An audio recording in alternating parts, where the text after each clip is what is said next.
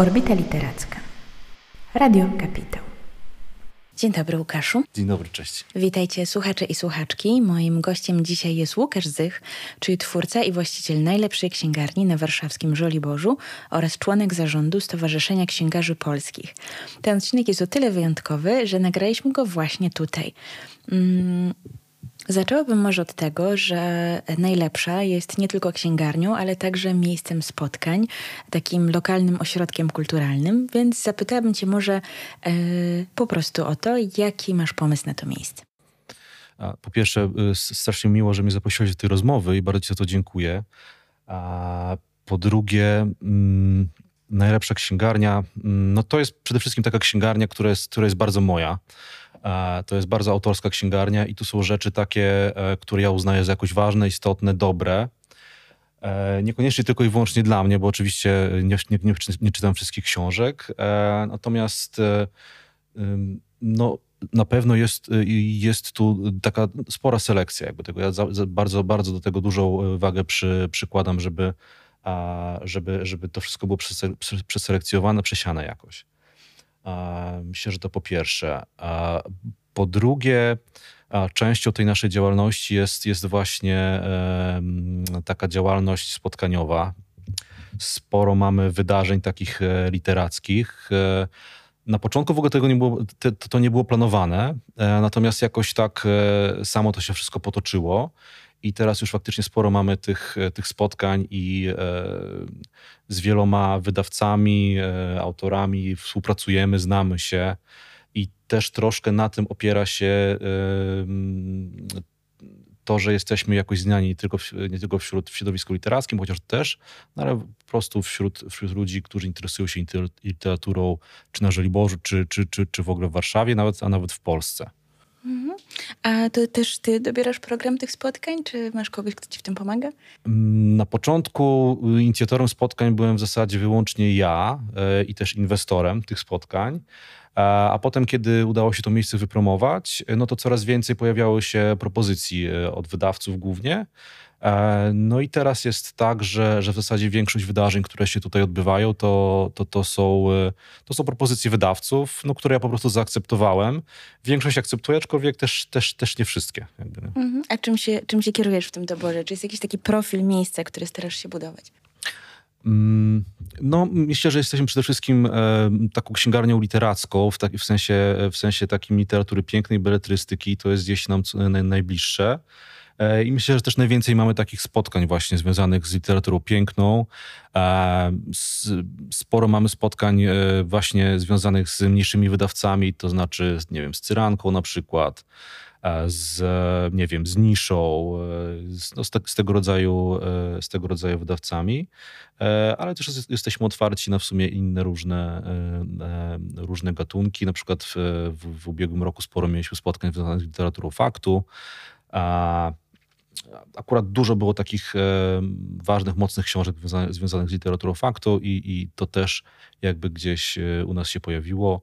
Ostatnio mieliśmy też cykl spotkań e, poetyckich we współpracy z, z wydawnictwem z Poznania, Wojewódzkiej Biblioteki, a też przy okazji różne inne wydawnictwa poetyckie się do nas odzywały, więc mieliśmy sporo spotkań poetyckich w związku z tym. No i też e, bardzo fajnym e, motywem są spotkania z tłumaczami, bo to jest z kolei wyjście poza ten nasz polski, e, polski ogródek.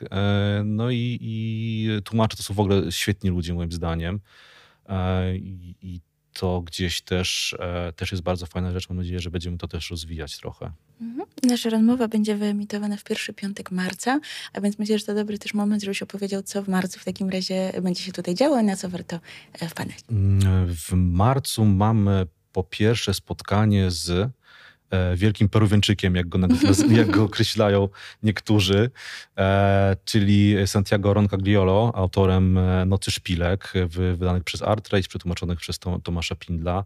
Bardzo się cieszymy na to spotkanie i naprawdę bardzo na nie zapraszamy. Potem z kolei tydzień później, bo tam to spotkanie jest 5 marca, 12 marca jest E, jest spotkanie z Barbarą Sadurską o jej nowej książce z kolei, bardzo dobrej uważam, z wydawnictwa Warstwy. A potem mamy pod koniec miesiąca, bodaj 26,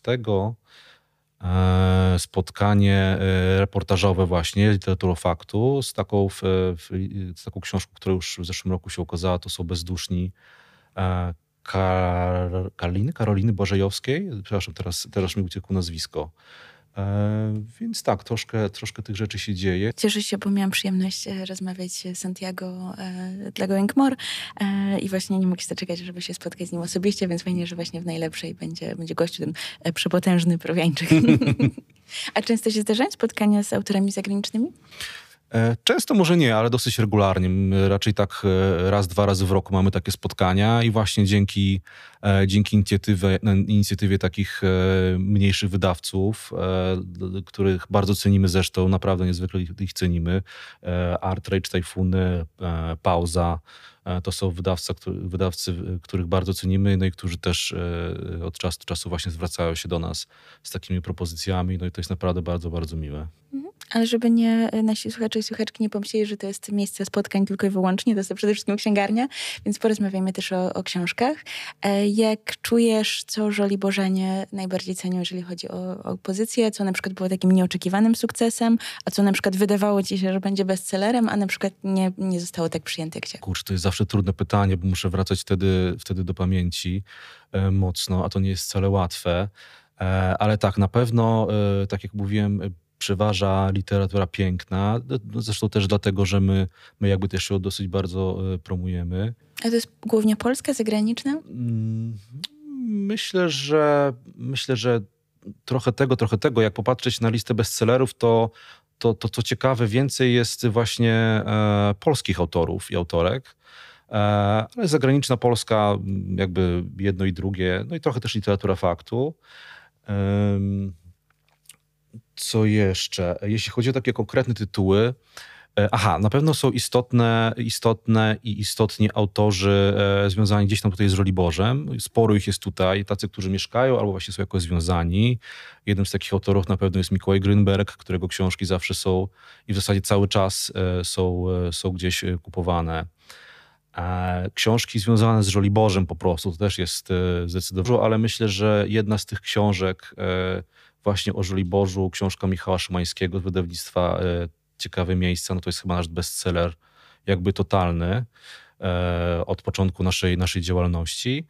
E, co ciekawe, mam, odbiją, odbijają się też u nas w naszej księgarni takie trendy dosyć, dosyć szerokie, w tym sensie, że na przykład chłopki. E, chłopki zdecydowanie, to jest w ogóle totalnie, e, totalny hit, ale też wcześniej na przykład Czuła Przewodniczka też była totalnym, totalnym gdzieś hitem.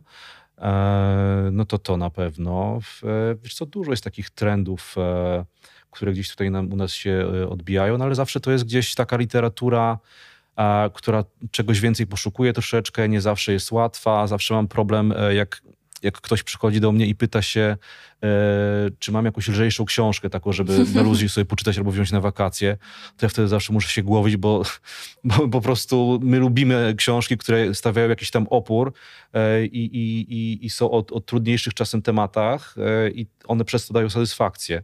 Więc e, ja sam też takie książki czytam, więc, więc, e, więc mam oczywiście tam kilka takich stałych tytułów i też staram się troszeczkę uzupełniać o te, o te tytuły takie, takie powiedzmy łatwiejsze, ale, ale akurat za dużo ich tutaj nie mamy. Trochę też dlatego, że po prostu w innych miejscach takie rzeczy są w, w dużej ilości, a my po prostu koncentrujemy się na czymś innym. Mhm. A często ci się zdarza, że przychodzą osoby i pytają o jakieś konkretne rekomendacje? Dosyć często, e, dosyć często, aczkolwiek no, to jest raczej jednak mniejszość osób, które przychodzą do nas. E, nie wiem, może jedna na pięć, na mm, jedna na dziesięć, coś takiego wydaje mi się. No, dosyć szeroki rozkład, ale tak, tak trudno mi jednoznacznie ocenić. Natomiast no, nasi, nasi klienci są no, bardzo, bardzo e, tacy samodzielni, jakby wiedzą, e, wiedzą, czego szukają, albo też bardzo lubią, i to jest bardzo częste i wydaje mi się, że tym też księgarnie się odróżniają od takie księgarnie kameralne, od takich księgarni bardziej sieciowych na przykład. E, że, że bardziej ludzie się nastawiają na to, co tutaj mamy i na to, co tutaj sami znajdą, jakby wyłowią gdzieś, bo wiedzą, że ta selekcja jest dosyć wyjątkowa i e, wiele jest tutaj takich rzeczy, o których nawet nie słyszeli, albo gdzie indziej w ogóle ich nie ma i dzięki temu wiedzą, że jak przyjdą, to, to, no to zawsze na coś ciekawego trafią i często więcej niż jedna rzecz jest taka, więc... A zdarza ci się spojrzeć na klienta bądź klientkę i pomyśleć sobie, hmm, on, ona na pewno przyszła po jakiś tytuł. E, wiesz co, ostatnio to, e, to często, często jest tak, że myślę sobie, że pewnie znowu chłopki, jak ktoś wchodzi. tak? I to jest ta, od, od premiery w zasadzie jest cały mm. czas, tak szczególnie tak było w święta, nie? Że, że, że te chłopki, i te chłopki, i te chłopki, i te chłopki. No i no jakby tu jest super, super, super sprawa, że, że ta książka wyszła i, i, i jakby gdzieś wy, wy, wypłynęła na, na, szerokie, na szerokie wody. E, aczkolwiek właśnie czasem już trochę, czasem trochę już tak czułem, że, że kurczę, no naprawdę jest tyle innych książek, nie? Ale jakby to nie, nie jest absolutnie dla mnie problem. Natomiast e, myślę, że dosyć trudno przewidzieć e, e, osobę po, po, po, samym tym, jakby jak, jak osoba wygląda, czy jak się zachowuje, co, co, e, co weźmie. Zresztą też staram się jakoś tak za bardzo nie oceniać, nie? Staram się raczej być tak otwarty jakby na, na, na jakieś potrzeby, oczekiwania, ludzi. Zresztą bardzo lubię w ogóle, jak, e, jak e, ktoś przychodzi i chce porozmawiać o książkach, w tym sensie, że chciałby się czegoś poradzić, bo, bo to jest fajne móc się dzielić tą swoją wiedzą, jakimiś swoimi emocjami związanymi z książkami. Ja na przykład ostatnio od mniej więcej roku dosyć dużo czytam, więcej niż wcześniej. I w związku z tym to też jest fajne, że, że mogę gdzieś te swoje fascynacje dzielić i, nimi, i gdzieś tam porównywać z innymi. Co czytasz teraz? Co czytam teraz? Teraz czytam na przykład y, muzykanta Charlesa Reznikowa. To jest e, e, wydaje mi się bardzo niszowa rzecz, a też, ale też e, duży rarytas. Myślę że, myślę, że o tej książce dosyć będzie głośno, mimo że jest wydana przez małą oficynę z Poznania i już jest spore nią zainteresowanie. Jest bardzo, bardzo przyjemna, jest, jestem w jej trakcie. Co jeszcze? Mm, Sebastiana Barego książka Powrót do Kanaanu. To jest nowe tłumaczenie książki wydane już kiedyś wcześniej. E, wydane jest przez Artridge w tłumaczeniu chyba Katarzyny Makaruk bodaj, czy Kai Makaruk, nigdy nie pamiętam. Y, to to... E, a taki mój zachwyt, e, który, który ostatnio już jakby e, już skończyłem i który, który ostatnio gdzieś we mnie siedzi, to jest książka, do której wróciłem właśnie mm, ostatnio. Książka wydawnictwa Drzazgi z 22 roku. Gościa Ariany Koch w tłumaczeniu chyba Zofii Sucharskiej.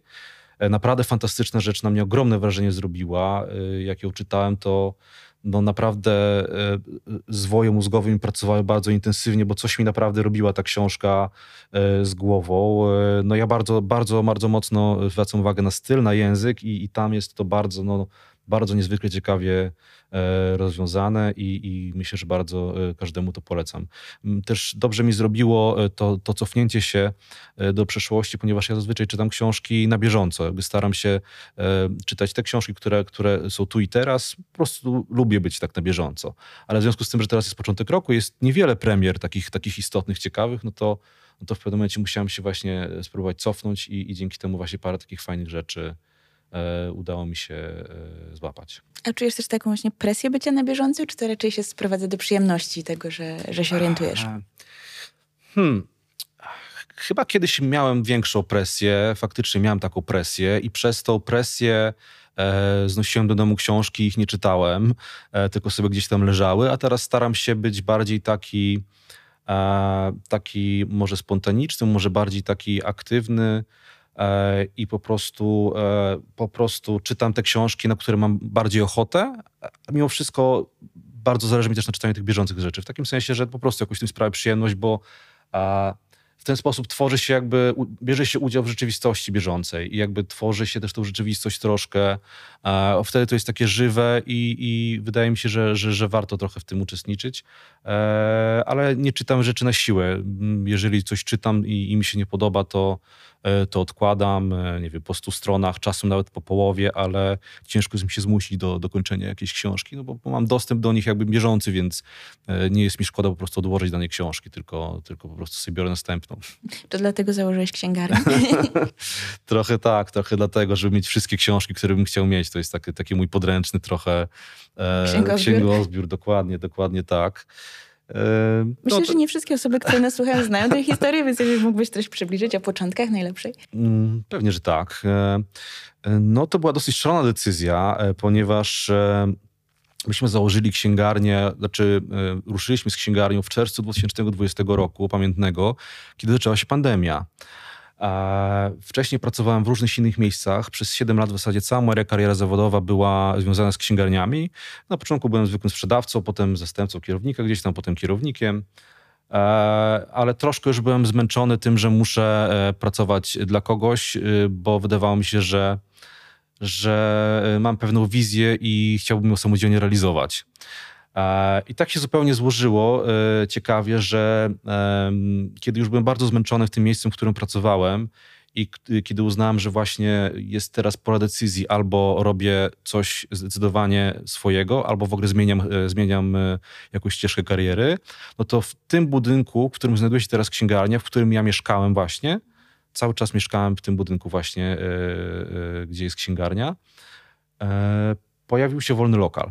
Pojawił się wolny lokal. Dosłownie jakieś dwa czy trzy dni przed urlopem, na który wyjechałem za granicę, pojawiła się karteczka. No ja wtedy uznałem, że to jest chyba jakiś znak losu. E, złożyłem ofertę. I tak się złożyło, że e, w związku z tym, że była pandemia, to nikt absolutnie nie myślał o, o tym, żeby jakikolwiek biznes zakładać. E, I, I, to był trochę chyba taki cud, że udało nam się to zrobić. No i potem ruszyliśmy po prostu. Ruszyliśmy, jakby wymyśliłem to jakoś, w zasadzie już miałem trochę, trochę to wszystko w głowie, tylko musiałem po prostu usiąść, jakoś to ułożyć. No, oczywiście najtrudniejsza była kwestia finansowa, no to absolutnie nie było możliwości, żeby pożyczyć od, od kogoś pieniądze tak w taką drogą oficjalną, bo bo banki po pierwsze dla młodych przedsiębiorców, początkujących przedsiębiorców nie dają po prostu pożyczek. E, a, a, no, a zwłaszcza, zwłaszcza przy okazji pandemii gdzieś, co w ogóle było absolutnie nie do pomyślenia. W zasadzie większość była y, placówek zamknięta, w ogóle no, no była, była katastrofa, jeśli chodzi o życie takie codzienne. Ja w ogóle pracowałem wtedy, e, pracowałem wtedy w samym centrum na Marszałkowskiej, w, w środku, na początku pandemii, od początku pandemii. No i księgarnie były otwarte cały czas, więc ja jakby idąc do pracy widziałem, jak to wszystko wygląda. E, no i to było naprawdę niesamowite obserwować to, e, to jak to się działo. No to, jest, to jest też nieprawdopodobne, jak się do tego wraca, że faktycznie coś, coś takiego przeżyliśmy. To jak powrót do jakiejś w ogóle wymyślonej niemalże e, zamierzchłej przyszłości. Mhm. Ale to paradoksalnie było duże szczęście, no bo rzeczywiście Polacy dużo więcej czytali w okresie pandemii. To prawda, to prawda, to, to, to nam gdzieś, to nam gdzieś chyba, chyba jednak się przyczyniło do, do, do, do jakiegoś jednak mimo wszystko myślę sukcesu. E, bo jesteśmy księgarnią osiedlową e, i księgarnie gdzieś tam w centrach handlowych na przykład, czy gdzieś w ogóle w centrach, centrach miast, myślę, że miały trochę trudniej, bo jednak te centra się opustoszyły. Natomiast e, my tutaj, będąc księgarnią osiedlową, myślę, że na tym zyskaliśmy, bo jednak książki przynajmniej na początku i przez dosyć długi czas były takim, takim czymś, do czego ludzie gdzieś wrócili troszkę i w co, w co poszli. No i to, to myślę, że było właśnie paradoksalnie e, takim naszym handicapem, że, e, że, że w tym momencie udało się nam założyć księgarnię. Też trochę na to liczyłem, można powiedzieć, e, że, że, tak, to, że tak to się rozwinie. Chociaż myślę, że wiele osób tak dookoła to troszkę się pukało w głowę, że to nie jest w ogóle najlepszy moment na, na, na rozpoczęcie biznesu. No, a, ale, ale jednak okazało się, że, że gdzieś trochę szaleństwo popłaciło. W Polsce teraz toczy się duża dyskusja na temat jednolitej ceny książki i właśnie sytuacji księgarni kameralnych. Mm, I zastanawiam się, jaka jest Twoja perspektywa na ten temat, bo też wiem, że nie jesteście kawiarnią czy takim centrum kulturalnym, e, gdzie w ciągu dnia można też wpaść, tylko jakby stricte się w tym specjalizujecie, pomijając ten program e, popołudniowy. Więc jak, jak się utrzymać w takich warunkach i jak właśnie, co myślisz, mogłoby się poprawić w w kontekście właśnie jednolitej ceny książki? E, no, to jest niezwykle skomplikowana kwestia. Postaram się jakoś tak mniej więcej nakreślić to, to, co o tym myślę, bo bardzo intensywnie o tym myślę ostatnio. Bardzo też intensywnie biorę udział w, w tej debacie, która gdzieś, no przede wszystkim na razie się toczy gdzieś e, e, w social mediach. Co ciekawe, ja tak osobiście e, nigdy jakoś nie, nie myślałem o, e, o, tej, o tych zmianach, o tej jednolitej cenie książki, ponieważ w związku z tym, że mamy cudownych klientów, jesteśmy w cudownym miejscu, no to e, oni nas odwiedzają cały czas i, jakby nie możemy narzekać na to, że, że ludzie do nas nie przychodzą i nie kupują książek. E, jeżeli jakiekolwiek mamy kłopoty, to tylko wyłącznie z tego powodu, że, że ja nie, nie, nie, nie za bardzo umiem zarządzać tymi pieniędzmi. umiem je wyda- za mało chłopek tak, po prostu. Tak, dokładnie. Umiem, umiem je wydawać, ale, ale nie umiem ich oszczędzać. E, zawsze tak miałem zresztą. E, natomiast e, nigdy nie było tak, że ja czułem jakieś zagrożenie, czy, czy, czy, czy mm, czy czułem, że, e, że potrzebne są mi koniecznie jakieś zmiany. Raczej, e, raczej czułem się tutaj bardzo dobrze zawsze. Być może też dlatego, że jestem jedną z niewielu takich księgań kameralnych niewielkich, e, która stosuje rabaty, ma program lojalnościowy, który bardzo, bardzo intensywnie działa. I w związku z tym też te ceny, które są zdecydowanie największym problemem dla księgarni kameralnych, ceny układkowe, po których muszą sprzedawać de facto de facto e, te książki, które mają u siebie.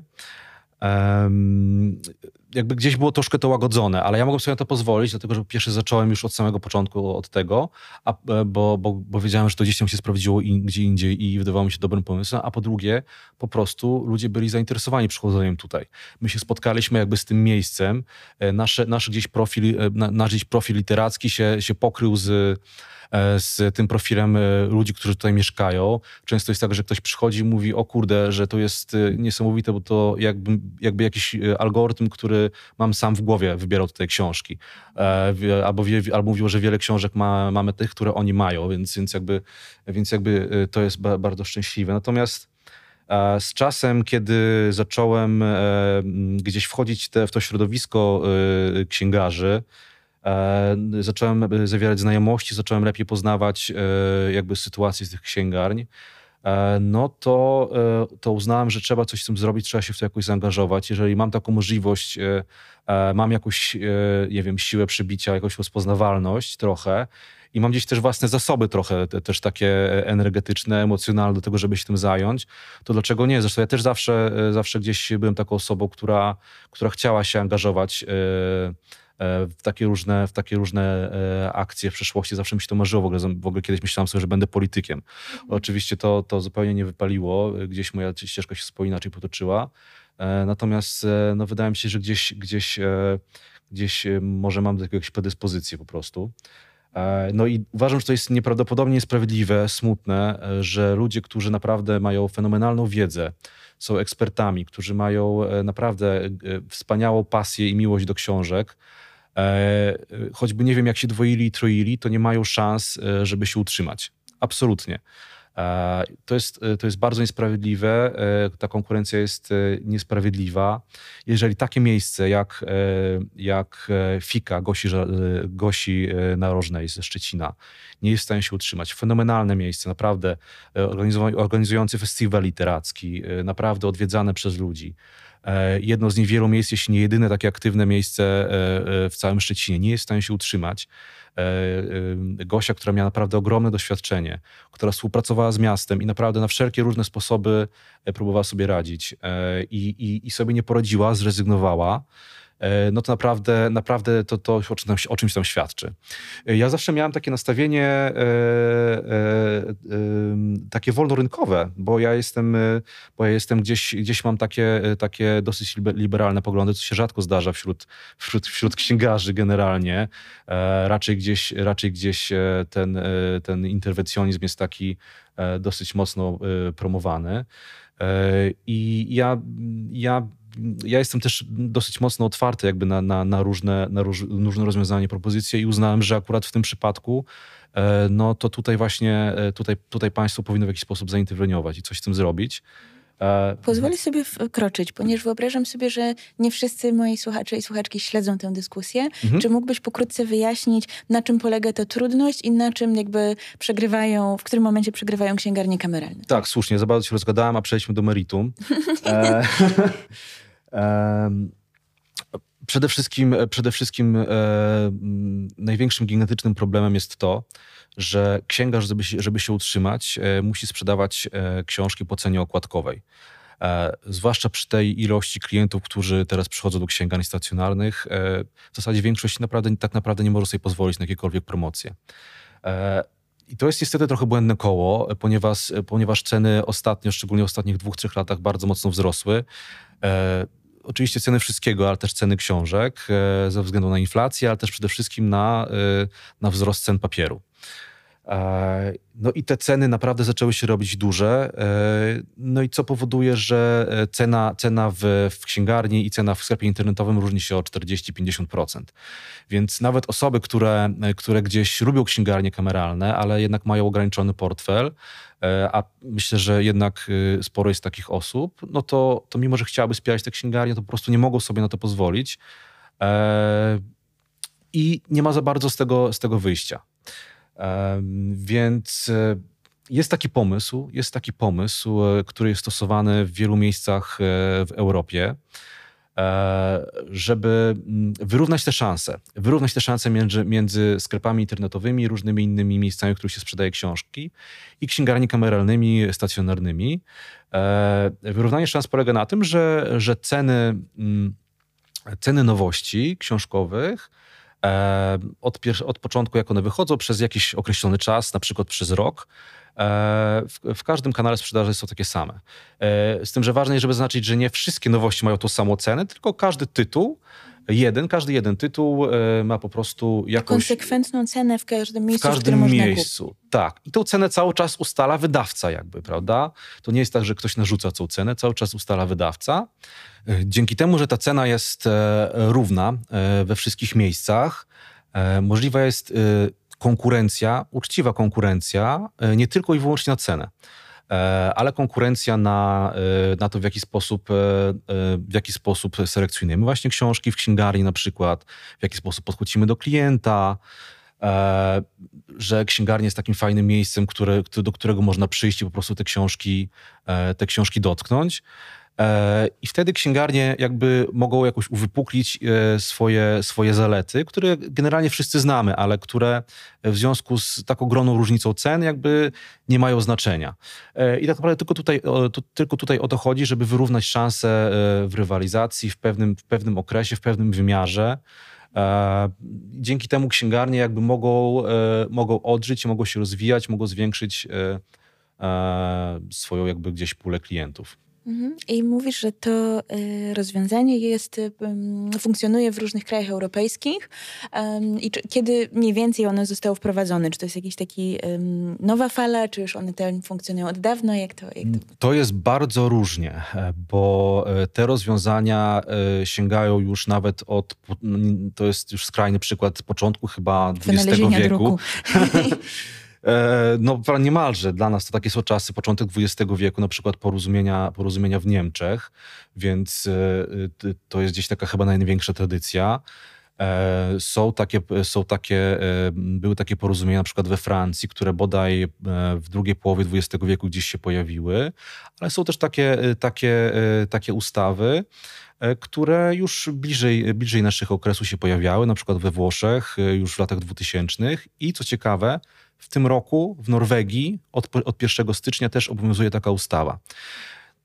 Co jeszcze jest ważne, wydaje mi się, żeby podkreślić, że e, co mówią też wydawcy, e, e co mówią też wydawcy, że nie wystarczy, żeby, żeby ta, ta regulacja, ustawa o książce, bo myślę, że warto mówić o tym jako w ogóle o ustawie o książce, a nie tylko jako jednolitej cenie książki, nie tylko obejmowała e, regulację tych cen na nowości, ale też e, obejmowała regulację rabatów dla dystrybutorów. Dlaczego i co to oznacza?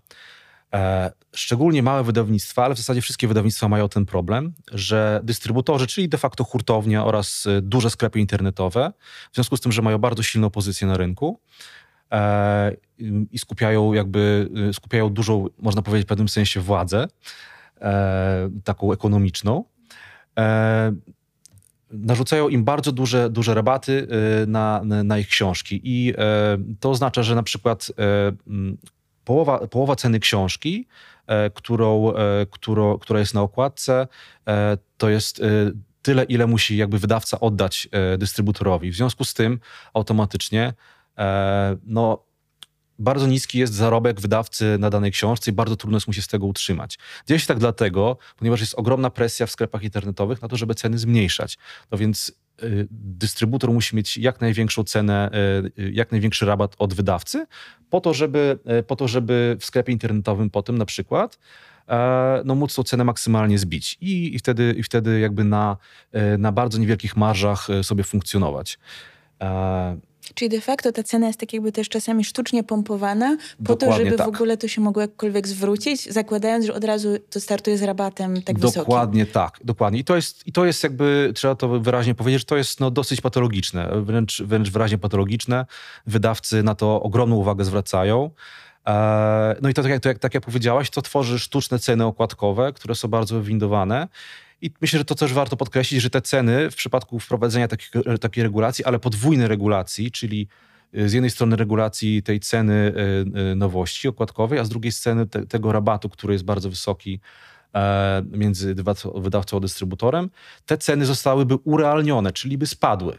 Oczywiście nie spadłyby do tego poziomu, e, prawdopodobnie, który jest teraz w sklepach internetowych, bo on jest bardzo zaniżony, ale na pewno byłyby E, w moim przekonaniu, w przekonaniu wielu wydawców, e, dużo niższe niż e, te, które są teraz na okładkach. Mhm. Ale wiem, że dużo osób obawia się tego, że jeżeli wprowadzone by zostało takie rozwiązanie, to te ceny jednak pójdą jeszcze w górę. Stąd, skąd taki, skąd taki niepokój? Um, myślę, że, myślę, że um, to jest najtrudniejsza kwestia, która jest zdecydowanie najczęściej po, poruszana przez czytelników. E, I w pewnym sensie, znaczy rozumiem ich jakby, nie? Bo, bo, e, bo niestety tak będzie musiało być. E, trzeba otwarcie, otwarcie to powiedzieć, że, że ceny będą musiały wzrosnąć. Aczkolwiek jest to działanie w dobrej wierze i w dalszej perspektywie bardzo korzystne, a w zasadzie brak regulacji jest bardzo niekorzystny z różnych powodów można na przykład wskazać to, że, y, że ceny książek, y, ceny książek w Polsce relatywnie na tle Europy, y, biorąc pod uwagę nasze zarobki, no, są jednymi z najtańszych, najtańszych w Europie.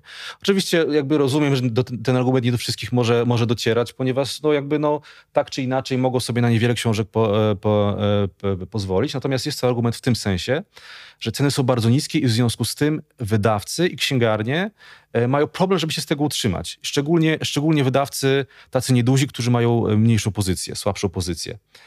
E, I w tym sensie jest to bardzo szkodliwe zjawisko dla całego rynku książki, ponieważ księgarnie są już w zasadzie no tak troszkę na ostatnich nogach i to jest naprawdę ostatni moment, żeby, żeby coś z tym zrobić. Jeżeli księgarnie upadną, to znacząco zmniejszy się konkurencja na rynku książki.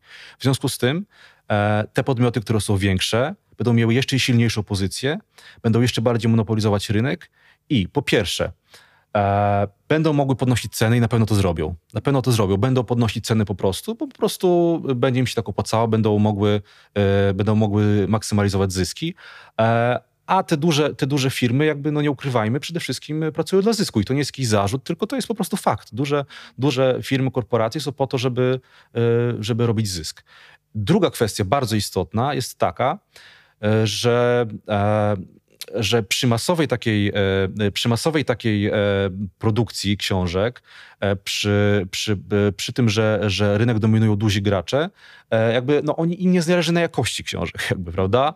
Im nie zależy na jakości książek. I to jest tak jak, nie wiem, na... No dobra, nie chcę tego porównywać do innych rynków, ale niestety tak jest, że większy, większy zysk przynoszą y, y, te, te produkty, które są skierowane do masowego odbiorcy. Więc automatycznie te jakościowe produkty są gdzieś tam spychane na bok. No i w związku z tym też ci wydawcy będą mieli coraz, coraz bardziej trudniej i pod górkę. I, i, te, I te dobre książki, te książki, które właśnie traktujemy jako dobro kultury, E, no po prostu będą znikać i, no i ten rynek książki będzie się pauperyzować, deprecjonować. E, e, no i jakby już tego efekty widzimy jakby na co dzień. I jeżeli nie zrobimy czegoś teraz, no to, to już niedalekiej przyszłości, w perspektywie 5-10 lat, no zobaczymy te bardzo negatywne efekty. Mhm.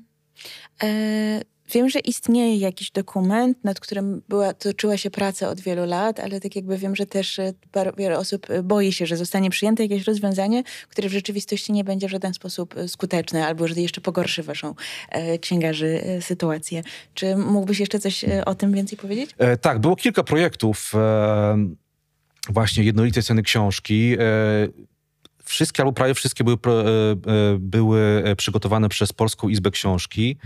I to jest taka organizacja, która przez takich ambitniejszych wydawców nie jest dobrze, nie jest dobrze odbierana. Niestety tam silną pozycję mają właśnie ci, ci, ci więksi dystrybutorzy, te większe firmy i projekt, który był zaproponowany, E, zakładał właśnie wyłącznie e, jednolitą cenę książki i przy braku regulacji e, rabatów dla dystrybutora, no niestety najprawdopodobniej to mogłoby jeszcze, jeszcze bardziej umocnić mogłoby jeszcze bardziej umocnić pozycję tych dużych graczy. Z tego powodu, że cena byłaby jednolita wszędzie, ale rabaty mieliby takie same i po prostu więcej by na tym zarobili. E, Czyli byłoby to też niekorzystne dla e, małych wydawnictw, znaczy dla wszystkich wydawnictw tak naprawdę, bo one by zarabiały dużo mniej na sprzedaży książek. Dokładnie tak, no bo mhm. jakby cena by się zwiększyła, rabaty były, byłyby takie same, więc e, sprzedaż by zmalała. No i to po prostu przez wydawców było protestowane. Y, druga ważna sprawa jest taka, że też była, za każdym razem była bardzo źle przyjmowana przez, y, przez czytelników, bo w zasadzie głównym zarzutem, jaki jest, y, który w zasadzie ciężko jest, ciężko jest przeskoczyć, ciężko jest tak każdemu wytłumaczyć, jest to, że po prostu wzrośnie cena. I to jest absolutnie w, w, w, każdym momencie gdzieś się pojawia, że w jaki sposób ma się zwiększyć e, czytelnictwo, w jaki sposób ma się poziom czytelnictwa zwiększyć, w jaki, w jaki sposób ma, ma, e, ma się, ma, mamy ratować e, rynek książki, jeżeli, książ, jeżeli książki będą droższe. No właśnie to jest dosyć skomplikowane niestety i trudno jest to tłumaczyć takiej szerszej publiczności.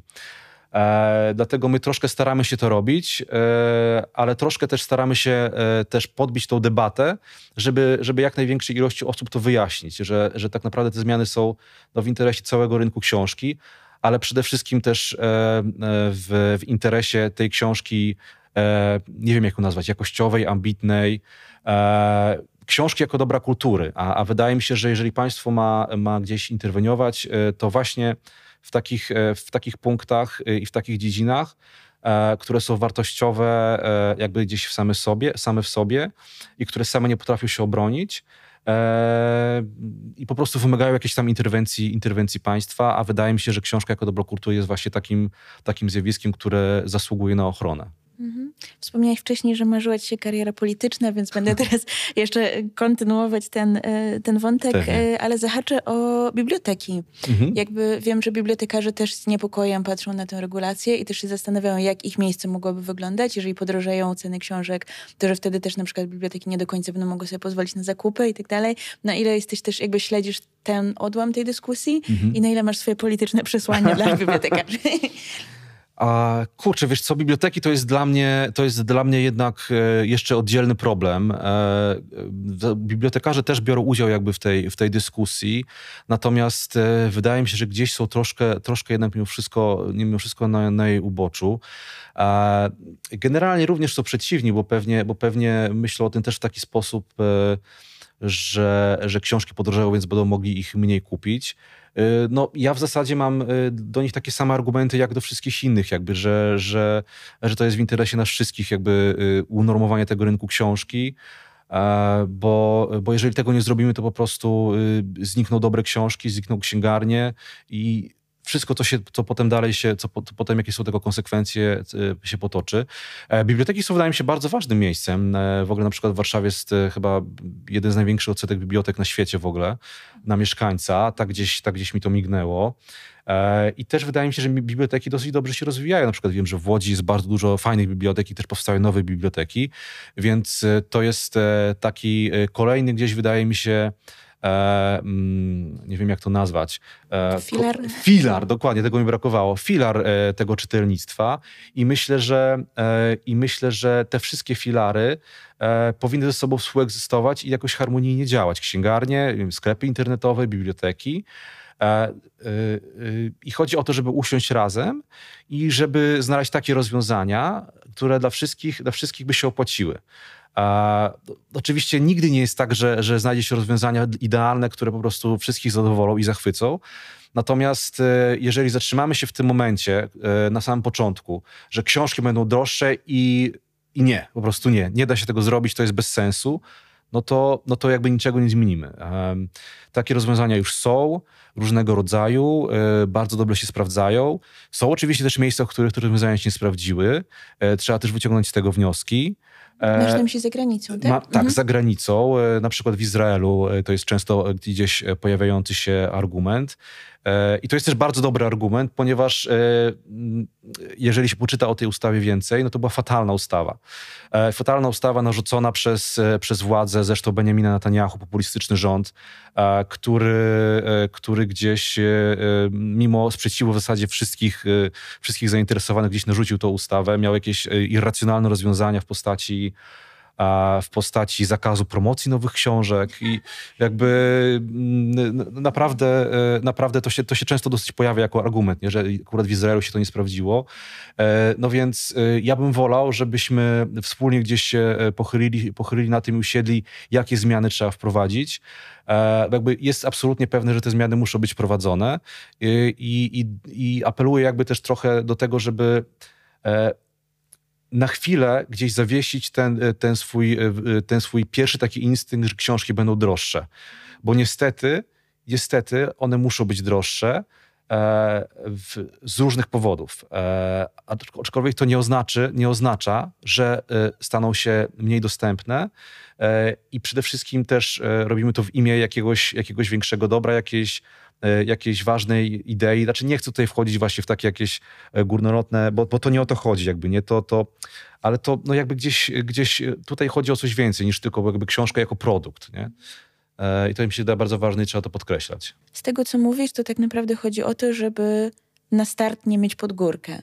Bo jeżeli są te duże rabaty, jeżeli jest ten, taka nieuczciwa konkurencja po stronie osób, które mają władzę ekonomiczną, no to de facto to nie jest tak, że to jest pytanie o to, jak ty sobie dobrze radzisz z oszczędzaniem, tak jak powiedziałeś, tak? Albo jak, jak dobrze, nie wiem, ktoś się promuje. Wiadomo, że to też oczywiście są istotne kwestie, ale że jeżeli na start jakby ruszasz z pozycji minus 10, to trudno jest ci tak jakby konkurować na równych zasadach z osobami, które, które mają ten przywilej. Tak, zdecydowanie tak. Jakby e, też, e, też warto też podkreślić, że mm, osoby, które mówią o tym, że to jest e, jakby nie, nie tyle nieuczciwa, co, co interwencja państwa, socjalistyczna, komunizm i w ogóle wszystko, no jakby nie do końca mają rację, ponieważ E, jakby od wielu, wielu lat wiadomo, że, że rynek, który jest nie, nieuregulowany, e, no, degeneruje się. Degeneruje się i e, e, działa z, z, dużą szkodą dla konsumenta końcowego.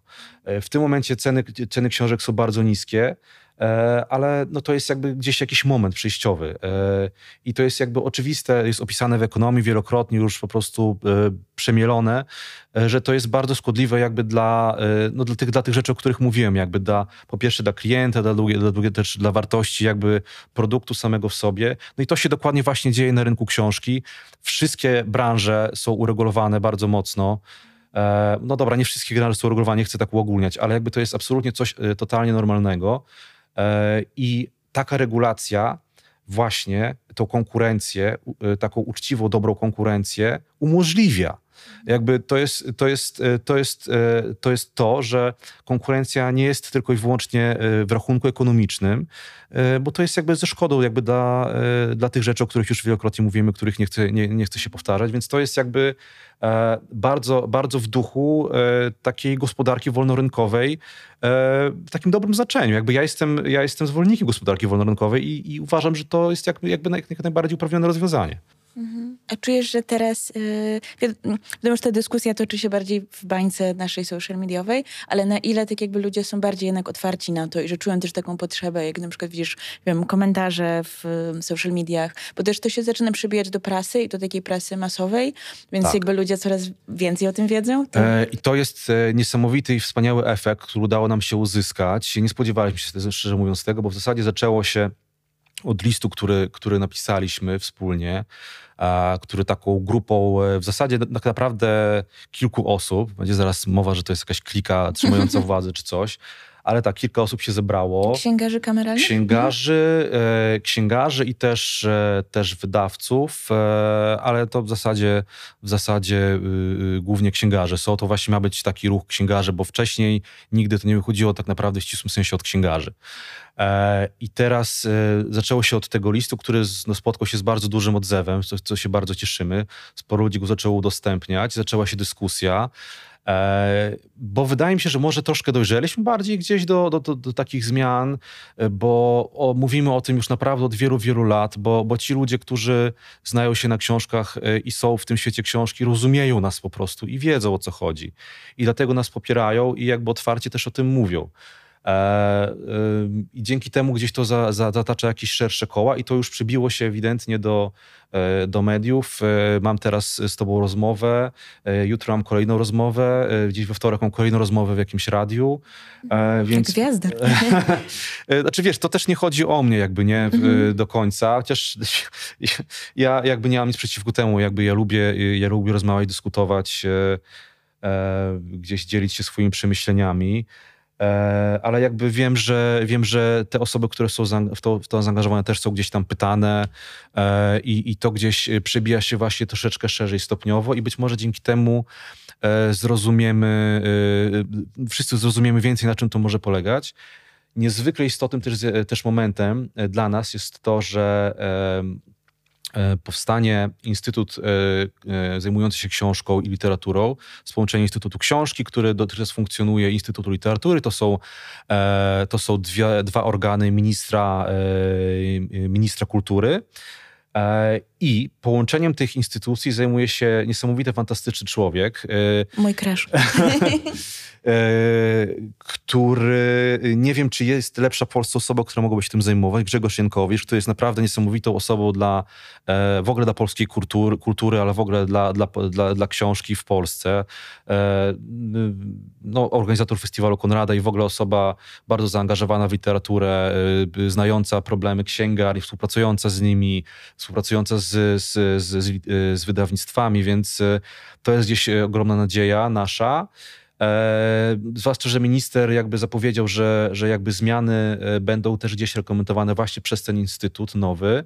Być może jeśli Grzegorz Jankowicz e, będzie w, w, gdzieś w kierownictwie jego, oczywiście tego nie wiemy, no to to myślę, że, to myślę, że dziś te jego, jego rekomendacje myślę, że gdzieś, gdzieś się z naszymi spotkały i będziemy mieli z kim rozmawiać. To wszystko brzmi, y, że jest w tym dużo nadziei, więc to, to tego się, y, to sobie przytulam do serca tę myśl. Zastanawiam się, czy jest jeszcze jakiś taki wątek tej sprawy, którą chciałbyś, e, chciałbyś poruszyć. Już cię wymaglowałam mocno. Nie, nie, wiesz co, to, to jest dużo rzeczy z tym związanych. E, ja właśnie jestem teraz też na bieżąco, więc tak naprawdę trochę też, trochę rzeczy też e, ja sam odkrywam i niektórzy odkrywają. Jest też taki pomysł, o, dobrze, że sobie przypomniałem o tym, w zasadzie troszkę taki mój autorski, a ponieważ e, jak zacząłem brać udział w tej dyskusji, no to oczywiście od razu spotkaliśmy się z dużym e, takim negatywnym odzewem od czytelników, no w związku z tym, że, że, ceny, że, że ceny miały wzrosnąć i jakby no w zasadzie e, dla wielu osób to jest jakby kwestia nie do przeskoczenia. I pomyślałem, że być może te zmiany mogłyby iść w kierunku e, takim bardziej ograniczonym, w tym sensie, że e, zamiast takiej dużej ustawy o książce, można by było ustawić coś w rodzaju małej ustawy o książce. E, fajnie było o tym podyskutować, na czym to by miało polegać. To miałoby polegać na tym, że tej ochronie, tym regulacjom, tu można by było jakby gdzieś ustalić jakim, czy to by była właśnie ta, ta regulacja rabatu dystrybucyjnego, regulacja właśnie jednolitej ceny książki. Mogłyby, mogłyby mogłyby być objęte wybrane wydawnictwa e, i wybrani, e, wybrane księgarnie, które by traktowane były jako instytucje kultury i które dbają właśnie o książkę jako o dobro kultury. Tutaj jest oczywiście e, problem tego, dwa, dwa podstawowe problemy. Jeden jest taki, że, że ktoś w jakiś sposób musiałby wybierać e, te, e, te wydawnictwa i te księgarnie, więc e, musiały być jakieś kryterium, musiały być jakiś, jakaś instytucja. Pewnie mógł być to ten nowy Instytut Książki, który gdzieś tam, gdzieś tam powstaje. I drugie, druga kwestia czy, czy to by się opłaciło właśnie księgarniom i E, i, e, i wydawcom, e, jakby w konkurencji z innymi wydawcami. No i w tym, i w tym po prostu, czy to po prostu poprawiłoby ich, poprawiłoby ich pozycję na rynku i po prostu dochodowość ich, ich biznesów. Ale wydaje mi się, że taką regulację byłoby dużo, dużo łatwiej wprowadzić, ponieważ w tym gdzieś takim naszym świecie literatury zaangażowanej, E, literatury właśnie jako dobro kultury, no większość osób rozumie, że takie zmiany muszą zostać wprowadzone. I, i wydaje mi się, że mogłyby, e, e, że, że jakby ten sprzeciw społeczny byłby dużo mniejszy. I być może jeżeli ten plan maksimum nie uda się zrealizować, to być może właśnie ten, ten plan taki bardziej ograniczony mógłby też coś przynieść. Jakby to jest, to jest gdzieś taki mój pomysł, który, który też staram się poddać debacie. E, no i może tak na koniec myślę, że bardzo jest ważne, żebyśmy e, postarali się mieć otwarty umysł. E, i tak jak już mówiłem, nie zatrzymywać się tylko na tym, że te ceny wzrosną, tylko starać się, starać się zrozumieć, jak, ten, jak to wszystko jest skonstruowane i dlaczego te zmiany są konieczne, bo to to wszystko ma sens jakby i to wszystko jest e, gdzieś ze sobą wewnętrznie spójne, e, jest zgodne z jakimiś zasadami, którymi się rządzi rynek książki i w ogóle z mechanizmami rynkowymi, więc to się da zrobić, tylko trzeba usiąść wspólnie, e, porozmawiać o tych rozwiązaniach, znaleźć je. Jeżeli się zatrzymamy na tym sprzeciwie, że nie, bo cena wzrośnie, no to niczego jakby nie osiągniemy. No już wkrótce przekonamy się, przekonamy się jak, jakie to będzie miało efekty. To mocne słowa na koniec. Dzięki Ci wielkie, Łukasz, za wyjaśnienie tego wszystkiego i tak jakby za, za też energię, którą wkładasz w to, żeby, żeby ludziom to tłumaczyć, bo właśnie czuję, że e, może być, pojawić się dużo zamieszania wokół tego, na zasadzie czym w ogóle jest ten projekt i tak dalej, więc mam nadzieję, że jeżeli ktoś ma wątpliwości, no to też przynajmniej, nawet jeżeli nie jest już e, przeciągnięty na, na stronę księgarzy kameralnych, to przynajmniej ma lepsze rozeznanie i też będzie w stanie tak jakby w taką dyskusję wchodzić. Tak, wiesz co, znaczy ja jestem generalnie raczej raczej chyba e, optymistą, ponieważ, e, ponieważ e, jeszcze niedawno jakby nie było żadnych szans na zmiany, a teraz ten, ten problem wrócił mm -hmm. i do, mhm. wrócił dosyć intensywnie i ci ludzie, którzy, głównie księgarze, którzy e, którzy w zasadzie już są bardzo zrezygnowani. Myślę, że troszkę się zmotywowali i zaczynają, mhm. e, jest, za, za, zaczynają też udział brać w dyskusji a, i to jest, to jest bardzo dobre. Mamy konkretne też plany, konkretne kroki, które możecie obserwować, które będą się pojawiać. Na przykład we wszystkich księgarniach pojawiły się takie plakaty nawołujące do, do wsparcia już wkrótce, więc e, e no, obserwujcie to wszystko, słuchajcie, e, rozmawiajcie e, i zobaczymy, czy coś się da z tego ulepić. Dobra. Dzięki wielkie za rozmowę. Dzięki serdecznie.